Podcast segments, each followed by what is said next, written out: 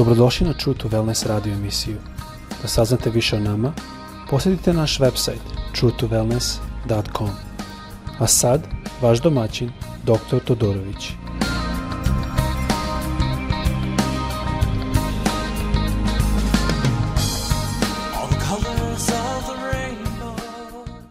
Ljubazni dobar dan i pozdravljam sve iz Florida, dakle radimo ovaj podcast – Mi imamo zanimljive vremenske situacije za neke koji možda posmatrate i dok razmišljam o tom, razmišljam reći Bože. I malo sam razmišljao što je Isus govorio Mateju 23. glavi. To je glava da on prilično strogo govorio farisejima i sadusejima. I meni je jako žalosno da danas u današnje doba mnoge te stvari što je naš gospod govorio farisejima i saducima, danas pripada našim crkvama. E, ne razumem kako je to mogućno da smo postali kao i fariseji i saduseji mnogo puta u mnogim crkvama. Bilo to da je to zato što se prodaju stvari u crkvi, biznis se pravi u crkvi, ili radi drugih razloga koje ćemo malo više da pogledamo danas. Ali bitno je da znamo da to je jedan način koji smo videli u Starom Zavetu.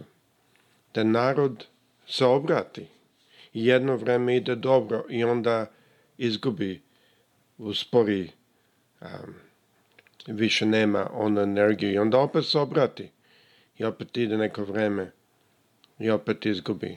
I to je jedan način na koji i mi kao hrišćani, našem dnevnom hodu, našem dnevnom životu, nekako liči nam kao da mnogo puta đavo uspe da uzme vreme od nas, da ne čitamo reč Bože. Pa najđe ovo, najđe ono, ovo je hitno, ono je hitno. A u stvari možda nije toliko hitno.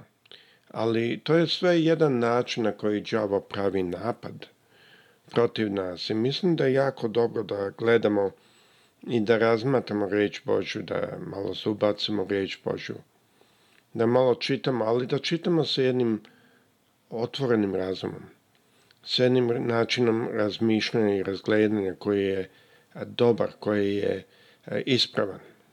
Mnogo puta nađemo u Bibliji stvari koje uopšte nisu napisane onako kao što bi ljudi možda rekli što bi mislim, negde će o tome govoriti, recimo, mnogo putima naučne stvari što je gospod e, stavio u Bibliju.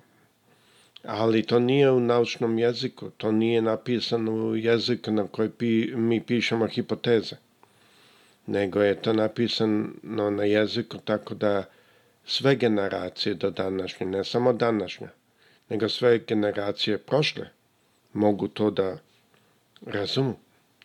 I tako malo ćemo pogledati stvari. Mislim da je jako bitno da hrišćani ne dozvole, da mi ne dozvolimo da budemo jako uskog razmišljenja. I mislim da je mnogo puta naklanjenost, pogotovo ako ima naklanjenost u našoj crkvi ili u našem učenju, da budemo malo legalistički, onda je isto naklanjenost da, da stojimo na konzervativnoj strani i ono što ne razumemo, da odguramo od sebe.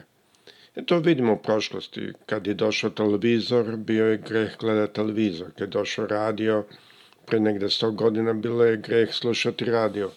Kad su se izumila kola, veram da je bilo oni koji su smatrali da je puno svetije jahat konje.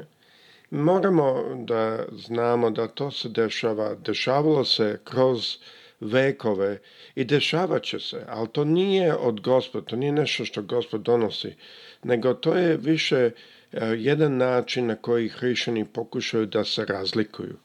Ima hrišćani ovde u Americi koji pokušaju da vam kažu da smo mi kao hrišćani e, u prosekuciji, da nas gone. No, to baš nije slučaj. Oni ne znaju šta znači gonit. Oni svi imaju kući, u kući svoje pištolje i imaju zato što ih neko goni, a u stvari niko ih ne goni, nego um, prosto živo u jednoj uh, drugčijoj atmosferi, zato što im godi da budu nekako specifični. Gospod želi da budu mi specifičan narod, ali ne na taj način.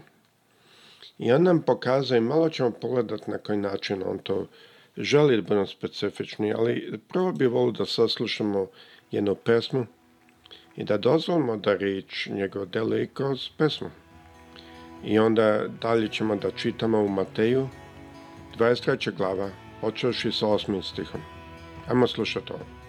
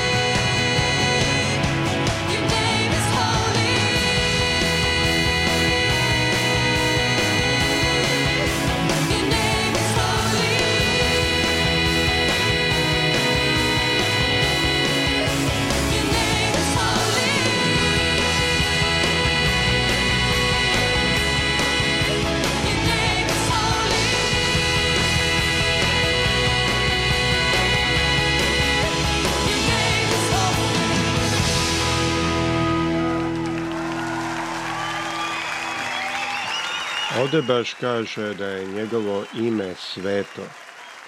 A, to je vrlo um, bitna oznaka, jer mislim da mnogo puta to se koristi protiv a, a, e, našeg, naših pogleda. U jednom smislu, pa ime je sveto, a mi ne možemo do njega dostići, Bog želi da živimo ovako i onako i onako. A, njegovo ime je sveto, ali mi nismo sveti i mnogi pokušavaju da postignu tu svetost na svoj način. E zato želo sam u da Mateju 23. glava 8. stih. Već Bož ovako kaže, ali vi nemojte da se zovete rabi, jer imate samo jednog učitelja, a vi ste svi braća. Deveti stih kaže ovako, i nikoga na zemlji ne zovite ocem, i imate samo jednog oca, onoga na nebu. Zašto sam to da iznesem ove stihove? Zato što mnogo puta dođu ljudi, kažu Bog je svet, Bog je svet. I a, e, samo ja mogu razumeti ili mi moramo imati ljude koji e, stoje između nas i Boga. Mi moramo imati svece koji se mole za nas. Mi moramo imati a, pravoslavne ili katoličke očeve koji vode našu crkvu i tako dalje. A, ljudi to kažu i to je bazirano na tome da što mi svaćamo da Bog je svet i onda mi pokušamo napraviti ili naći nekog da zastupa za nas. Taj neko već postoji, to je Isus Hrist i niko drugi ne može to da radi. Ali zanimljivo je da mnogo puta u celoj civilizaciji, počeši sa farisejima i sedusejima, uvek je bio taj pogled ili ta potreba da se nađe neko da stoji, da zastupa nas. Dok sam bio u Srbiji, gledao sam mnoge pravoslavne običaje i mnogi ti običaji su napravljeni manje više da a, simbolišu a, reč Božu. A, bilo je a, tu praznika sveti ovaj, sveti oni, neki od tih svetica nisu čak ni u, u Bibliji, a neki jesu iz Biblije, sveti Petar, sveti Jovan, a to su e, ljudi iz Biblije, ali a to je sve jedan pokušaj.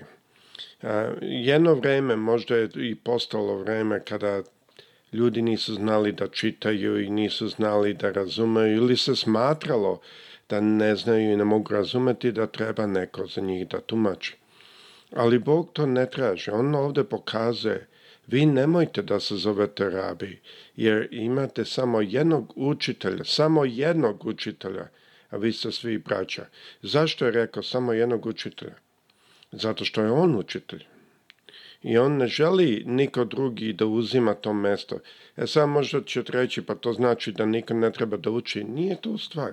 Stvar je da mi trebamo deliti. Ali taj autoritet koji se daje učitelju, a taj autoritet mi ne možemo dati nikom jer imamo samo jednog učitelja što rabi znači učitelj i to je naš Hrist. Šta to znači je da mi smo odgovorni kada čitamo reč Božju, mi smo odgovorni da gledamo šta kaže, da a, razmišljamo o tome što piše. On je rekao, vi imate samo jedan, jednog učitelja. Šta to znači? Ideš kod tvog učitelja i pitaš ga da li je to ok, da li to nije ok, a samo jedan učitelj je on. I e to, tu pokazuje da smo svi, svi mi odgovorni da razumemo riječ Božju sami na svoj način i da isto tako svi smo odgovorni da znamo da ne može niko drugi da zastupa nas. Nema drugi učitelj koji nas može učiti ili zastupa. Zato narodnisti kaže i nikoga na zemlji ne zovite oca. Zašto? Otac je isto a, jedna kako kažem na engleskom, jedna pozicija gde ima određen autoritet, a Bog ne daje taj autoritet nijednom čovjeku. Mnogo puta se razmišljam kako naši pravoslavni i katolički popovi, nema veze, a kako mogu da spavaju noću kada se zovu otac i uzeli su taj autoritet koji Bog ne daje nikom. On je ovde vrlo jasno rekao i nikoga na zemlji ne zovite ocem, imate samo jednog oca, jednog oca, onog na nebu. I kako može neko da spava noću, a da zna da je uzao na sebe onaj autoritet i ono ime koje pripada samo našem nebeskom ocu. To još nisam nikad e, razumao, ali svakako je ovde vrlo jasno. Ja sam ovde e, trenutno pomažem za male, mlade kadete. Nisam deo vojska, ali pomažemo da se treniraju mladi, i da se spreme za život. I onda smo napravili da sam čaplen Da, nešto u smislu kao pastor a, za njih. I ima jedan od Čaplina je iz pravoslavne crkve. A, prilično dobar čovjek, ali on uvek napiše father. Ali ja kad god govorim s njim, ja kažem hej Nick, njegovo ime je Nick, kao Nikola. A, ne kažem father, zato što ja nemam oca ovde na zemlji. Mi moramo da naučimo da mnoge od ove stvari Isus se nije šalio. On je stavio ovo zato što on nije želo da iko uzima taj autoritet ili da uzima na sebe pravo da zastupa druge. Jer Gospod želi da svi mi njemu direktno priđemo. Zato nas reći Bože uči da Bog ne uzima, a, kod njega nema unuci, kod njega nema a, ništa drugo nego sinovi i čeri. Zašto? Kod njega nema drugi i treći redovi rodova. Zato što on želi da svi mi aktivno studiramo njegovu reč. Da svi mi aktivno, koliko ima vremena, on razume našu situaciju. Ako nema tu vremena, nema brige. On to sve razume, on, on je Bog koji nas ljubi. Ali kada e, mi imamo prilike dobro da studiramo njegov reči. Ja znam da svi mi izgubimo puno vremena i ako vi nađete da izgubite puno vremena, verujte mi, niste jedini. Ali nam moramo shvatiti i znati da naš pastor ne odgovara za nas. On može da odgovara kako nas uči i šta nas uči e, pred gospodom, ali mi odgovaramo za svoj život. Mi odgovaramo za naše odluke. I mnogo puta mi gledamo na stvari koje su više telesni e, svačenje, preljuba, ubijstvo, krađa, ovo ono. A mi nalazimo u reči Božoj, ako čitamo, da kod gospoda one druge stvari, ponos, zavest, spuštanje drugih, ponižavanje drugih, te stvari meni se barem čini da gospod je puno strožiji sa tim stvarima. Zato želim vas ohrabriti. Znajte da imamo mi svi jednog oca na nebu. Mi svi imamo jednog učitelja i deseti stih kaže, sti kaže niti se zovite vođe, imate samo jednog vođu, Hrista.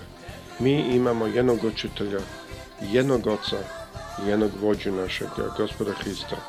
I mi možemo se osloniti na njega, ne treba drugi nikog ne trebamo ići i paliti sveće, ne trebamo ići praviti neke odbebe i neke stvari.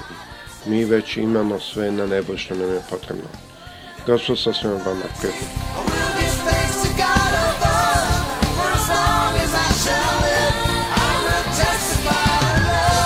Slušate True to Wellness radio emisiju.